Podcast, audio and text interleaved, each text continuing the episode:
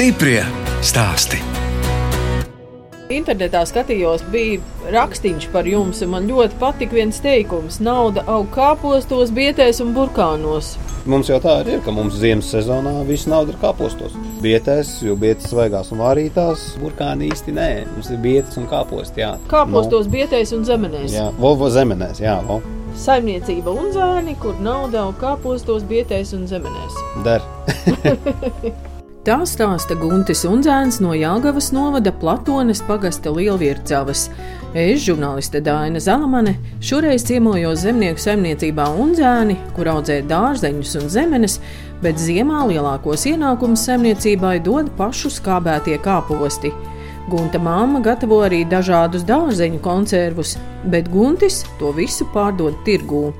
Guntis Unzēns pastrādājis arī ārzemēs, lai nopelnītu naudu savam biznesam, zemeņu audzēšanai.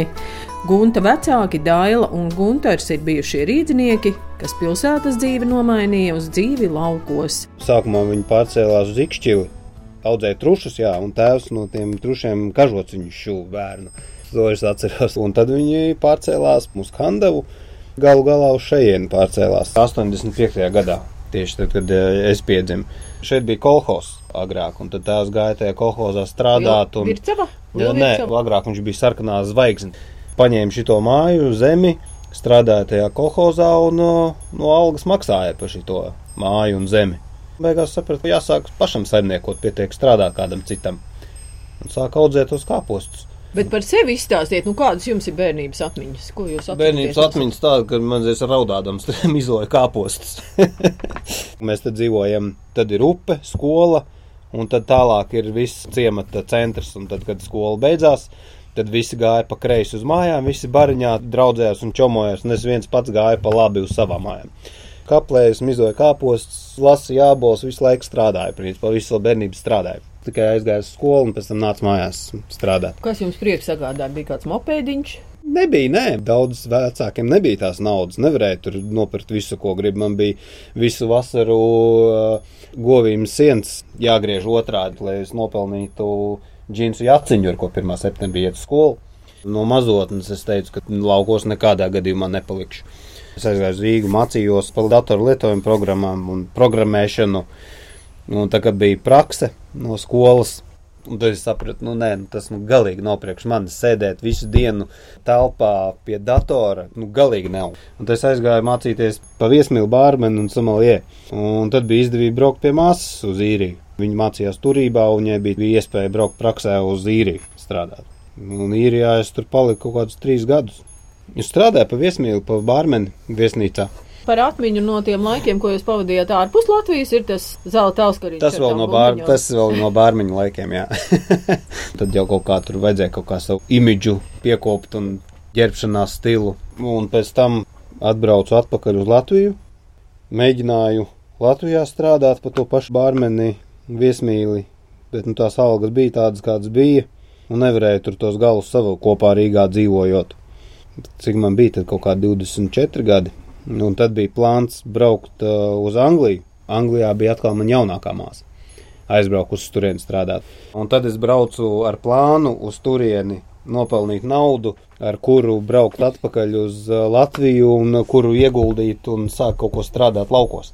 Vienā brīdī vienkārši bija kaut kāds klikšķis, un es sapratu, cik ilgi es te kulšos pa tiem bāriem un viesnīcām un uh, Es neredzēju nākotni tajā visā. Esmu kādreiz redzējusi vecu bārmeni vai vecu viesmīlu, piemēram. Nu, neesat, vai ne?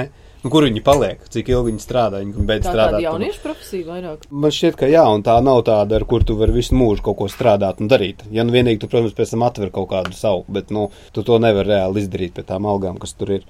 Un tad es braucu uz Angliju atpakaļ ar mērķi nopelnīt naudu un braukt atpakaļ tā zemes sākt audzēt jo mamma arī pateica, nāc strādāt. Dzīvot būs, kur zeme ir, es visu laiku būs ko. Un tas aizbraucu uz Angliju un sāku tur strādāt. Bija mērķis aizbraukt uz vienu gadu, paliku, ja nemaldos, trīs gadus. Tur ātri dabūju kontraktu fabrikā, es tur kārtīgi strādāju. Tie īpašnieki redzēja, ka es kārtīgi strādāju, ātri man tur algu pacēla, ātri labu darbu iedeva. Ātri... Fabrikā varēja vairāk nopelnīt nekā bārā? Jā, Anglijā varēja. Jā. Plasmas pakašu logus liku kopā. Visus tos trīs gadus, ko es tur strādāju, es darbdienās strādāju fabrikā, un sestdienas, svētdienas es vēl automazgātavā strādāju. Tā kā es tur arī strādāju visus tos trīs gadus, gan arī bez brīvdienām. Bija tur tajā ciemā tāda latviešu grupiņa, nezinu, tur 15 cilvēku latvieši bija. Es tur ierados, es tur sāku strādāt, ātri dabūju ļoti labu darbu. Viņi vienkārši stāvēja un nevarēja saprast, kā tas ir iespējams. Mēs desmit gadus strādājam, mēs neko tādu nevaram vispār panākt. Es labi zināju valodu pirmā kārtā, un otrā kārtā es arī strādāju. Viņiem tur bija tā, ka nu, tur pieznāja, nē, šodien nē, un šodien miegs nāk. Un no desmit reizēm, kad viņam piezvanīja un saka, jāiet uz darbu, viņš septiņas atsaka. Kādus panākumus tu gribi tur iegūt? Man bija ļoti labi apmaksāts darbs, bet es nepaliku pie viņa. Nepatīk, jo jebkur, kur tu uz ārzemēm aizbrauc strādāt, tu vari pacelties, cik augstu tu gribi, dabūt labu algu. Tu tāpat esi nu, iebraucējs, tu esi svešinieks tajā zemē. Nebija tās mājas sajūta tur. Visu laiku bija tā sajūta, ka es te neesmu savējis. Naudu sūtīju mammai. Viņa man nopirka to zemi, tur tagad, kur es zemes audzēju. Visiem liekas, arī tajā Latvijā, ja aizbraucu uz Angliju, jo nopelnīšu naudu, tur var nopelnīt. Jāmaksā par dzīvošanu, rēķini jāmaksā, veiklos arī ir cenas. Tev patām tev ir jāstrādā, lai tu gribi nopelnīt. Iekrāt kaut ko vairs tur nevar. Es atbraucu atpakaļ uz Latviju un jau pašā sākumā pelnīju tikpat, cik Anglijā, un nerunāsim jau par to, cik es pelnu tagad. Tā ka, ja ir iespēja kaut ko Latvijā izdomāt un darīt, tad labāk palikt tepatām nekā braukt uz Angliju. Kāpēc tieši zemenes? Pašam garšo zemenes? Vispār nē, zemenes. man patīk viņas audzēt, man patīk, kā viņas izskatās, man patīk viņas tirgot, man patīk ar viņām ņemties. Bet es viņas nē, tur es man sievu varēšu viņas no rīta līdz vakaram tikai pārtikt no viņām. Tur ir visu laiku kaut kas jauns, visu laiku jāmācās un jāeksperimentē. Un Tur nav tā, iestādi kaut kādu kartupeli un tā gaida un zina, ka tur rudenī novāks. Tur ir dažādi šķirnes, dažādas garšas. Es audzēju siltumnīcā agrās un uz lauka vēlās šķirnes. Un tad arī ar viņām kaut ko var nopelnīt. Gan ar agrējām, gan ar vēlējām. Ja, pa vidu, kad visiem ir, tad tur vairāk tāda nervu bojāšana.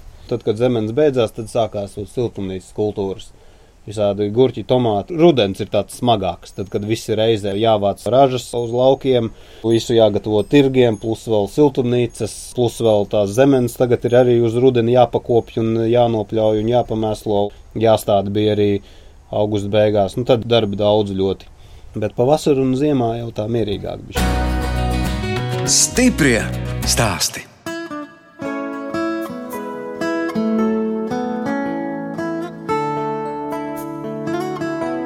Jūs klausāties raidījuma stipri stāstī. Turpinu ciemoties pie Gunta Unzēna, Jelgavas novada Platones pagasta zemnieku saimniecībā Unzēni. Guntis zemenes audzēja 7 hektāru platībā Jelgavas pusē, bet mēs dodamies apskatīt 15 hektāru lielos laukus, kur zemgales mālā aug kāposti un citi dārzeņi. Kāpostus jau daudzus gadus audzē un skābē Gunta vecāki ziemas sezonā tā ir galvenā maize skābētie kāposti. Cik tā liels lauks ir? Cik tā apmēram nu, aug? Te kaut kāds, laikam, pusotrs hektārs ir, bet nu, mēs audzējam, ko paši spējam saskābēt. Svaigā veidā vispār nepārdodam. Kaut kāds pusotrs, divi hektāri kāposti priekš visu sezonu pietieko skābēt. Jo galvas lielas, tonnas daudz. Kādas jums tas šķirnes ir kāposti? Vai šķirnes tur, kas tur ir uh, Krauko ezers, tad tur ir uh, Sokrāts. Visādi šķirnes ir audzētas, mēģināts, un uh, gadu gaitā jau ir saprasts, kādas ir tās labākās. Kā jūs teicāt, tad svarīgi ir? ir tas, lai tā kāpos galva ir liela. Ja? Nu, galvas kāpēšanai, jo viņi ir lielāki, jo labāk, jā, protams. Kaut kā agrāk bija tā, ka iestādi un gaida, ka viņš izauga. Tagad tur jālaist, tur visādas problēmas pēdējos gados. Nezinu. Jūs to varat pielaistīt? Varam pielaistīt. Blakām upe man lielais sūknis ļaukas savāk beigās mocības ir, bet var, jā. Es esmu nu, atkal bez laistīšanas, bez vispār neizaugt. Pagājušajā gadā nekas nebūtu izaudzis bez laistīšanas. 95% paši tirgu notirgojam. Un to jau arī mēs sākām tikai tad, kad uh, es atbraucu no ārzemēm. Līdz tam vecāki tur deva bāzēm. Nu, ko bāzes maksā, viņi jau neko nemaksā. Tad atbraucu es, sāku stāvēt tirgu, un tagad principā tikai pa tirgiem arī tirgojam. Ja vairumā ir jādod, tad tur, nu, šajos laikos tas jau ir pilnīgi nu, viens pret vienu, cik iegūti, tik dabu atpakaļ nav galīgi izdevīgi. Tad ir jāaudzē, jā, tur ir 10 hektāri kartupeļu, 10 kāpos, tad varbūt jā, bet nu, tad atkal vajag darba spēku, lai to visu novāktu, ar ko ir ļoti liels problēmas. Man vienīgās ir, kur divas meitenes tikai palīdz strādāt. Bet, nu, attiecīgi, es viņam arī maksāju. Nevar vispār darbiniekus dabūt. Viss ir pašam jādara. Cik tad tagad ir jāmaksā laukos nu, strādniekam, lai nāktu strādāt? Nu, acīm redzot, ļoti daudz. Es te piedāvāju, ļauju zāli rodas bedri vai kaut ko tādu piedāvāja 50 eiro dienā plus ceļu izdevumu. Manuprāt, tas ir ļoti labi. Nu, es nezinu, izskatās, ka nē. Pilnīgi nevarēja dabūt nevienu, kas nāk strādāt. Daži man tur atbildēja, jā, pie šitām cenām, nē, nē, vismaz 80, nu 100 vajadzētu. Tad, tad, dienā. Jā, jā, dienā, dienā. Es viņam atpakaļ uzrakstīju. Varbūt tev ir augstākā izglītība, bedres sakšanā vai doktora grāda zāles pļaušanā. Nu, jā, ja jā, tad ok, tad es tev ņēmu darbā un 100 eiro dienā maksāju. Kopā ar Gunti dodamies uz kāpostu skābētāvu. Te mums ir tā. Tā, te jau sāks mažot pēc kāpostiem. Vai cik te silti? Nu, kā tas skāps kāpos? Katra mums skāps nedēļa. Kas jums tās ir pa mucām? Plasmasas? Plasmas mucas, jā. Cik es redzēju, visi kāpos skābētāji šitajās mucās skābē kāpostus. Pilnīgi sildītājs. Sildītājs šī sēda zvietīgi elektrība tagad. Bet bez šitā nekas te nenotiks, jo nekāda cita apkura te nav. Bet siltumu te vajag. Cēlēt te kāpos neieskāpst. Bet tā kā vecos laikos, redz, kā uzliek slogu, akmeni pa Jā, virsmu. tā kā vecāki 40 gadus atpakaļ sāka, tā vēl joprojām turpina. Tikai sāls kāposts un nedēļu skāpst. Tās receptes, es domāju, ir dažādas, vai ne? Kādā veidā Ir skābēt. recepts, ir dažādas, bet recepti mēs nedrī- nedrīkstam atklāt nevienam. Galvenais jau tos kāpostus pašam audzēt un zināt, kādas šķirnes un pareizi skābēt un to darīt ar, ar mīlestību, un tad beigās arī sanāk tā garša. Mēs pa sezonu pārdodam kaut kādas 50 tonnas. Skābos kāpos, tad viņiem liekas, ka mēs tās 50 tonnas redzam septembrī, pirmajā ieskābējām, un pēc tam visu ziemu tirgojam. Ja tu ieskābē rudenī un ēd kaut kad, nezinu, gada sākumā to skābēto kāpos, viņš jau ir brūns, nu viņš pārskāpst. Nedēļa paskāpst, pēc tam vēsā telpā nedēļa pastāv un, un tad ved uz tirgu, un tad vislabākā garša. Vai cik forši, kā man patīk šī vanna. Tā tad eh, tiek izmantota nu, Nu, vanna, ir. kādā citi mazgājas. Nu, jā, tādā tā arī ir jau, nezinu, jau 40 gadi, te laikam, ja nemaldos. Jā. man arī vec, jā. Nu, bet tas ēvelējumais, tas gan ir uz Nu, elektrību. e- jā? Uz elektrību, jā, bet nu, pašam jau jāstāv te un jāspiež tas kāpos iekšā. Rīve ir taisīta, tēvs tur ir izdomājis, Nu, kādai pēc tā pasūtījuma, jā, viņi ir taisīti ļoti sen. Man liekas, ka 20 gadu točam tā ir īvē. Ir. Kalpo vēl joprojām ļoti labi. Un te arī jūs iztiekat bez citu palīdzības, Jā, tikai jā, paši. tas kā kāpos skābē tikai tēvs. Tikai vienīgi tēvs skābē, neviens cits neskarās kāpos skābēšanai klāt. Tie trīs veidi ir ķimenēm bez cukura, burkāniem bez cukura un salskābie, kur bija šis cukurs pielikts klāt. Un ļoti daudz tās ģimenes. Jā, nu, ja ir ķimenēm, tad ir ķimenēm. ja ir burkāniem, tad ir burkāniem, tad daudz burkānu. 10 kg spēļu gan uz tirgu, ved, gan uz veikaliem. Ved. Māma konzervus taisa, vis, visādi sāli. Un te arī notiek tā tāda Nu, mamma te jā? visus konzervus taisa, jā, Te pavasarī. ir plītiņa, No. maza virtuvīte. Ir arī viss recepts uz uh, sienas. Tas man mantojums. Kā es smējos. Galvenais ir leduskapis, kurā mēs vasarā visu turam, ā, augstuma kamera. Bez šitās vispār mēs nes- nesaprotam, kā mēs varētu dzīvot. Piemēram, vasarā tie tirgi, tā kā man ir ā, ceturtdiena, piekdiena, sestdiena. Tad jau gurķi nevar lasīt tikai vienu reizi nedēļā. Ja tu noliksi pirmdienu gurķi un tikai ceturtdienu ved uz tirgu, kur tas gurķis stāvēs, viņš stāvēs kaut kur kaut kādā telpā, viņš jau sāks mīksts, paliks mīksts. Un mēs to kvalitāti uzturam ar šo augstumu kameru. Un ļoti labi. Tā ir ļoti sen pirkta arī, bet nu, motors tur jauns ir uzlikts un uh, vecais jau nojūtās, bet bez šitā vispār nespētu vispār dzīvot. Turpinām pastaigu pa saimniecību un apskatām tomātu, gurķu un paprikas siltumnīcas. Te upenis arī jaunais dārziņš tāds. Nu, tas tur tā tīri priekš sevi. Nu, redz, te vēl avenes rudens, jā? Tās jau avens jau līdz pirmiem salam ražo. Vasaras avens, rudens avens, tās ar te pēc zemenēm. Gribēju daudz lielu siltumnīcas, kur gurķus un tomātus audzēt. Lai vienkārši vairāk ir ko vest uz tirgu. Nu jā, nu kā sortimentam jābūt. Manā skatījumā vienmēr ir jābūt rezerves variantam. Tu nevari audzēt tikai zemes. Uznāk pavasarī kaut kāds salns, tev viss ziedi apsalsts, viss ražī vējā. Nu un ko tālāk? A, Tā tev ir rezerves variants. Tev ir tomāti, gurķi. Nu, šī siltumnīca arī cēlu pats visas savām rokām. Šitās jau stāv jau kaut kādu septīto gadu jau. Nu, sāk jau tur, protams, tas koks spēlēt pūtu un, nu, kā jau koks. Cik apmēram izmaksā šāda siltumnīca? Siltum- tas nebija nekas dārgs. Tā lielā, kas ir 6 metri platā, 30 metru garumā. Cik rēķināja kaut kāda ar visām plēvēm, kokiem. 1000 eiro. Tagad tas, protams, ir daudz dārgāk, bet tas pašas plēves arī tajā siltumnīcā maksāja 300 eiro. Un tagad viņi 600 maksā. Koks tagad ir divreiz dārgāks. Nu, tagad viņi kā 2000 būtu uzcelt, bet tad bija 1000. Jā. Bet rekā jūs te arī to priekšu, tā tad te ir nevis atveramas durvis, bet vienkārši tādi Nu, Aiz- aizslītņi. jā, jo visu vasaru stāv vaļā. Tās durvis uzliek tikai pavasarī, agrā un rudenī. zeme tā kā stirpās, jā, Nu, tā kā dobēs. Pirmām kārtām tas ir tāpēc, ka, kad ir slapjās vasaras, tad viss ir ūdenī un arī siltumnīcas ir ūdenī. Izdomā, ka jāceļ augšā. Un, ja ir tie plūdi un nenormāla lieta, tad tas ūdens ir lejā, tomāts dobītē aug mierīgi, viņš neapslīkst. Un tāpēc mēs cēlām augšā. Un arī mīkstāka zeme un visu to kūtsmēslu, visu to var koncentrēt vairāk. tā. Šovasar arī, bija tie lielie lieti sākumā, es ar uh, sūkni pumpēju ūdeni ārā no siltumnīcām, un tur viņš vēl stāv. Tie ir vecie gurķi, ir jaunie. Tādi mēs vienmēr kaut kādu daļu iestrādājam. Tā kā vēlai ražoja gurķus, tad tie tur sāk ražot tad, kad nevienam citam vairs nav gurķi, un tad par labu cenu viņus var pārdot. Vēl Nu zied mierīgi, tikai. Tā kā pavasarī. Bet cik ilgi jums te vēl ziedēs tie gurķi? Līdz pirmajam salam šitie. Čerī tomātus pārsvarā audzējam ne vairāk priekš tirzniecības, bet priekš tomātiem žēlējā. Māma taisa burciņās tomātu žēlējā uz ziemu, ko tirgot arī.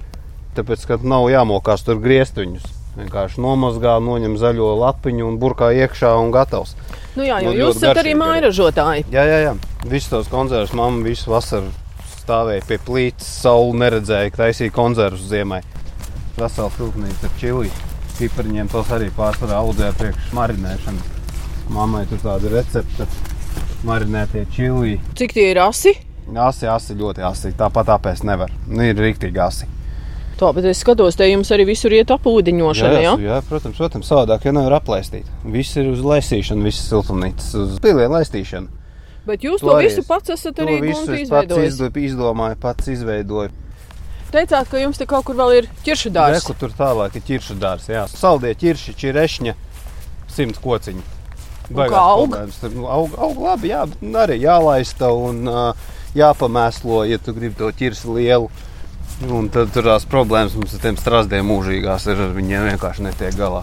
Un ko jūs darāt? Nu, es lieku visam laukam, visiem simts kokiem pāri vienu tādu viengabalainu milzīgu tīklu.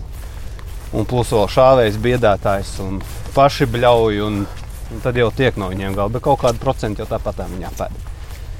Tā ir dārza jaunziņa un kā arī kaut kādi septiņi gadi tiem kokiem. Bet tā daudz var novākt no šiem simts kokiem. Ļoti daudz var novākt. Te- Bet šitās ir arī tās zemās formas, jā? jā, jā, jā, jā. Konzervu nolikt vēl. Kaut kas līdzīgs pagrabam, jā? Nu, kaut kas līdzīgs pagrabam arī bijusi kūts. Ja, kur viss te tomātu žēlējā, tomātu ir ļoti, ļoti iecienīta, tie ļoti garšīgi 100% tomāti. Te viss sagatavots priekš lečo ziemai. Ļoti interesanti izskatās ar visām sēkliņām. Tas ir kā izspaidas no tomāta sulām. Lai nebūtu jāpērk veiklā tomātu pasta, lieto izspaidas no tomātu sulām. Katrai kultūrai tur ir kaut kādas sevi knifi, kas ir jāzina. Tā ir. Jā, es jau sāku to, kad es atbraucu atpakaļ. Es tur mēģināju mācīties par to agronomu Jālgavas universitātē, bet nevarēju apvienot ar darbu. Tu Vai nu strādā, vai mācies. Ir, protams, tās ražas mazliet mazākas, bet kaut kā tiekam galā. Nē, esam bioloģiskie, nē, bet mēs arī neesam tie, kuri tur mauc visu pēc kārtas virsū. Nu, ir, protams, mums puķkāpostos tārpiņš un kāpostā tārpiņš un uz gurķa kaut kādas laputis tur pēdušas. Nu, ir tā, mums nu, nav tur viss perfekts. Netiek jau galā ar visiem tiem kaitēkļiem un slimībām. Nu, ir, ir tas kukainīts, nu, ir tas pleķīts uz lapas, nu, ir, nu, labi. Īsāks būs tas ražas periods gurķim vai tomātam. Nu, labi, nu, lai ir, nu. Stiprie stāsti.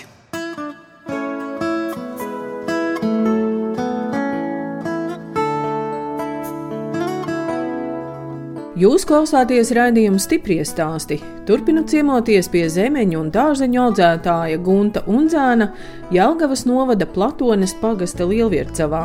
Guntis vēl stāsta par savu sievu Olitu. Sieviete satika Rīgā, naktas klubā piecus gadus atpakaļ. Un divus gadus atpakaļ apprecējāmies. Mēs jau sievu vēl joprojām strādā Rīgā. Braukā no Jēlgavas uz Rīgu katru dienu. Viņš grūti jau ir izbraukt ar vilcienu uz darbu, bet ar mašīnu jau aizbraukt uz Rīgu. Pirmā kārtā dārgi, otrā kārtā laika ietilpīgi pa tiem sastrēgumiem. Viņa bankā strādā, labā amatā, bet pārcēlās no Rīgas pie maniem uz laukiem. Viņi man arī sestdienās stāv tirgu, jo man sestdienās ir vairākas tirdzniecības vietas. Palīdz viņi vispār no lauku darbiem nebaidās. Ir jau visādas rīznieces, nu, jā, bet man paveicās ar mani manējo. Māma šobrīd ir eksotiskā ceļojumā. Viņa ir eksotiskā ceļojumā, jā, aizbrauc atpūsties pēc grūtiem vasaras darbiem. Un kāpēc tieši uz Indiju? Un, uh, viņai patīk braukt uz tādām vietām, kur var sevi pameklēt. Ne īsti gulēt zem palmas, bet staigāt pa kalniem un uh, iepazīt citas kultūras un uh, citas reliģijas. Enerģiski gudra un strādīga, un ļoti daudz padomus man dod. Vienmēr, ja man kaut kas tāds, vienmēr prasu viņai, ko un kā darīt. Un, ja viņi pateiks tā darīt, tad tā arī darīšu. Nu, šeit tāda ir, protams, ka nesakrīt domas, bet nu, bez viņas plecēs droši vien vispār nebūtu tik tālu ticis, cik es esmu tagad. Cik labi, ka arī bija vecāki pie kāda griezties, kur jau bija to saimniekošanu uzsākuši. No, jā, tāpat viss tehnika tomēr bija no viņiem sākumā. Tagad es esmu savu traktoru, savu tehniku iegādājies. Ja nebūtu viņiem tā tehnika, tad jau būtu daudz grūtāk to visu sākt. Lai jebko iesāktu, galvenais jau ir pamats. Tiem, kam nav tas pamats, tiem ir ļoti grūti kaut ko sākt no nulles. Nu, vecāki droši vien ļoti priecīgi, ka jūs atgriezāties. Vecāki ir priecīgi, protams. Viņš tās siltumnīcas zemenes viss, kas tika paplašināts, tas jau viss tika darīts tad, kad es atgriezos. Viņa arī noteikti pārdzīvo, ka māsa uh, ir īrijā uz neatgriešanos jau 20 gadus. Apcējās ar īru, trīs bērni ir un jau māju nopirkuši, jau, nu, viņi jau uz palikšanu tur. Šad tad atbrauc uz Latviju pie mums ciemos. Bērni latviešu runā? Ui, nē, nē, nerunā latviešu. Nē, tie ir visi vietējie. Īsti īri. Jaunākā māsa mums te brauc palīgā, viņa arī tirgu Jelgavā stāv. Gunte, es par jums pašu esmu dzirdējis tādus vārdus, ka jūs esat ļoti laipns un runīgs. Jums patīk tirgū? Es labāk stāvētu tirgū nekā uz lauka kaut ko vāktu vai lasītu. Bet ir taču daudz saimnieku, kuriem nepatīk. Nē, es tikai tirgu, es varētu tikai tirgū stāvēt. Es, piemēram, braucu uz vecmilgrāvi, tirgoties ceturtdienās, sestdienās, es astoņos iebraucu. Tajā tirdziņā man stāv jau kaut kā desmit cilvēki gaida mani. Trijos cilvēki visi ir atnākuši, viss beidzās, un tas brauc mājās. Un tas pats arī ir sestdienā. Un tas arī pats piekdienā pie Minskas ir. Nevienam citam tā nav, ir tikai man. Jo man ir laba produkcija, man ir laba attieksme pret uh, klientu. Es esmu lepns, es katram pasaku paldies, lūdzu, lai jums garšo. Katram, kādam, ja tur ir lielāks reķins, tur nezinu, 11, 20, es vienmēr tos 20 centus nolaižu uz leju. Un cilvēkam tas patīk, tā laipna apkalpošana, kaut kāda atlaidīta un to, ka arī produkcija ir laba. Es esmu ievērojis to, ka nu jau pārsvarā cilvēki nāk nevis pēc manas produkcijas, bet viņi nāk pie maniem, saņem to pozitīvo enerģiju. Pārsvarā man klienti ir gados veci tādi, vairāk tā kā pensionāri sevišķi kāpos sezonā, kas kā skābētos kāpos cēdi. Jaunie taču nē, skābos kāpostus. Bet kā tā jums tam biznesam nākotnē, ja jaunieši nē? Nu, tāpēc ir rezerves variants zemens. Padomā, par kādām lietām tik nav jādomā. Nu, jā, es saku, ir vienmēr jābūt kaut kādai rezerves kultūrai ar kuru tu vari izdzīvot. Nevar paļauties uz vienu kultūru. Jā. Man zemeņa audzēšana hobijs, viņam ķiploku hobijs. Mammai rozes hobijs, un tad mēs katrs savu ņemamies. Protams, kopējais ir kāposti un vietas un siltumnīcas. Lielākā problēma tā, ka mums Latvijā ir tikai 2 miljoni iedzīvotāji. Mēs varam spējam to produkciju pierežot, izaudzēt ļoti daudz, mēs viņu nevaram pārdot tik, cik mēs viņu varam izaudzēt. Un galvenokārt jau ir tas arī dēļ tā, ka produkcija tiek vesta iekšā. Un tās pašas zemes. Pēc tam ir no polijas jāved iekšā kaut kādas negaršīgas, drausmīgas, lētas zemes. Tos pašus kartupeļus ved iekšā, visu ved iekšā, un priekš kam nav. Mēs paši varam izaudzēt, bet mēs nevaram to visu pārdot. Tā ir tā problēma lielākā. Kāpēc uz valsti, maziņu valsts, kur ir uh, nepilni divi miljoni iedzīvotāji, tiek grūsta tik nenormāli daudz pārtika iekšā? Mēs aizbraucam ar sievu uz Lietuvu. Ejam veikalā, tur ir tikai Lietuvas produkcija, ko lejuši paši neražo. Tas ir plauktos. Iet uh, Latvijā, lielveikalā, pastieties uz pašiem piena produktiem. Nu, kādi tikai tur nav? Nu, visu valstu iespējamie produkti. Nu, kāpēc tas ir vajadzīgs? Mēs varam paši sevi ar pienu apgādāt. Šito es nekad nesapratīšu. Tāpēc, ka tie veikalu tīkli nepieder. Nu, ir, nu, droši vien jau ka tāpēc, jā, nu, bet par to varam runāt, bet mēs to neizcīnīsim. Kā jums biznesa ietekmēs tas energoresursu kāpums? Ietekmēs sevišķi degvielas cenas. Man jau izbraukāt uz tiem tirgiem tagad diezgan izmaksā. Man bija jā, apgrozījums šogad zemenēm pa trešdaļu lielāks naudas ziņā apgrozījums, bet uh, peļņa bija tieši tāda pat kā pagājušajā gadā dēļ energo cenām. Kāpos skābēšana arī būs tas pats šoziem. Vēl jau trakākais būs priekšā. Bet nu izdzīvosim. Man galva strādā, mēs izdzīvosim. Es jau tajā īstenībā nedzīvoju. Man vecāki dzīvoja, es pavisam citur dzīvoju ar sievu. Jākapniekos mēs tur māju nopirkām. Tur mēs varbūt mēs domājam uzlikt saules paneļus, bet nu, pagaidām jau mēs varam samaksāt, tiekam galā. Nav jau tik mežonīgi tie rēķini vēl. Gāzi mums nav, tīri tik cik plīts gāzi. Jā, elektrība ir ziemā, kad ir uh, lielie mīnusi ārā, un tad elektrības rēķini ir tādi lieli. Mūsu tas pagaidām tā baigi neietekmē, ja vienīgi degvielas cenas. Visiem es vienmēr prasu arī par vaļaspriekiem. Jā, agrāk man bija riteņbraukšana, vaļasprieks. Es ļoti daudz braukāju riteni, braukāju sacensībām, uz maratoniem. 40, 45, 50 uz tādiem braucu. Vasarā noteikti maratoni visādi. Tas Rīgas maratons, tas pats vienīgs brauciens. Un katru nedēļu gandrīz bija kaut kāds brauciens. Un tad mēs ar sievu divreiz gadā cenšamies aizbraukt kaut kur atpūsties. Vienreiz janvārī, uzreiz pēc jaunā gada, jo, te, jo parasti pēc jaunā gada uzreiz pirmās divas nedēļas pilnīgi nekāda pirktspēja nav. Un tad mēs paņemam to brīdi. Naudu iztērēt. Nu, jā, jā, pirmās divas nedēļas vienkārši tur nebraukt uz tirgu. Nekas nenotiek, neviens neko nepērk. Un tad mēs parasti aizbraucam kaut kur atpūsties. Jo Latvijā nevar atpūsties tā. Ja tu esi mājās, un tāpat tam tu skrieši uz saimniecību, kaut ko darīsi. Un, telefons zvana. Nu, jā, telefons zvana, kādam kaut ko vajag, kādam kaut kas jāaizved, un uh, nevar tā atslēgties no tā darba pēc kaut kuras nedēļas vai divām vienmēr aizbraucam atpūsties. Zemenis ir mans vaļasprieks, zemeņa audzēšana. Tirgu stāvēšana ir mans vaļasprieks, no kā ir vēl kaut kāds ienesums. Māja jums jau ir kāda, tad vēl ir sapņi? Iekrāt kaut ko vecumdienā. Pastoties uz mūsu nabaga pensionāriem, negribētu tā pavadīt savus vecumdienas. Skaitot kāpēks, gribās kaut ko iekrāt tā, lai varētu mierīgi nodzīvot vecumdienas, kaut kur paceļot, pabraukāt apkārt, vai vismaz normāli ēdienu ēst kaut vai un būt jums uz galvas droši. Es jau vispār gribu uztaisīt tādu lielāku kapitālu, kaut kādu tādu siltumnīcu un zemi. Tā vairāk arī, ja būs iespēja piepirkt tā, lai, nu, ja vecumdienās kas to visu var pārdot un pēc tam mierīgi dzīvot. No augļiem, no tieši procentiem. tā, jā, tieši tā. Tāds man kaut kā tāds plāns. Kādu Latviju jūs gribat redzēt nākotnē? Kādus Latvijas laukus? Latvijas laukiem jau arī tagad nav nekāda vaina. Tāda, kāda viņi ir tagad, ir viņi jau ļoti labi ir. Vienīgi tas, ka nu jā, daudz iet prom no tiem laukiem un brīvās zemes, kas paliek, tās lielie graudaudzētāji paņem. Īpašnieki kļūst mazāk tām zemēm un vairāk kļūst uh, lielie graudaudzētāji. Nu jā, bet arī jūsu ģimene ar salīdzinoši nelielu platību tomēr ir piemērs, kur arī zemgalē var maza ģimenes saimniecība. Ne, protams, ka var. Strādāt. Protams, ka var strādāt. Ir jāstrādā un jādomā, kur to produkciju tirgot. Ir reti, kurš jau tā dara. Pats audzē un pats stāv tirgu tirgo, jo nav jau laika pašam visu skriet pa laukiem, gatavot, audzēt, ņemties un pēc tam vēl braukt uz tirgu, to visu dienā tirgot. Un tāpēc es pirmdienu, otrdienu, trešdienu pa mājām strādāju, ceturtdienu, piekdienu, sestdienu tirgu. Un tad kaut kā to var sabalansēt. Bet tukši jau lauki nepaliks. Es ceru, ka nē. Jūs te gunti Latvijā jūtaties vairāk kā saimnieks. Svarīga tā apziņa.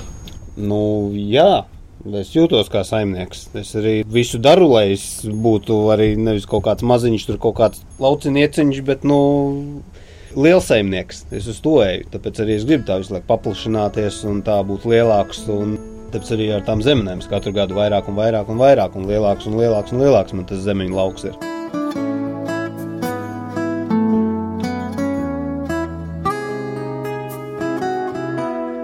Redījums stipri stāst izskan, un mēs atvadāmies no Gunta Unzēna, kas pastrādājis īrijā un Anglijā, bet atgriezies Latvijā un kopā ar vecākiem Jāgavas novada Platonas pagasta zemnieku saimniecībā Unzēni audzē zemenes, dārzeņus un skābē kāpostus.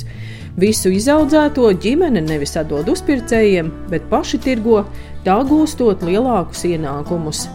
No jums atvedās žurnāliste Dāna Zalamane un operātore Inga Bēdele lai tiktos atkal tieši pēc nedēļas.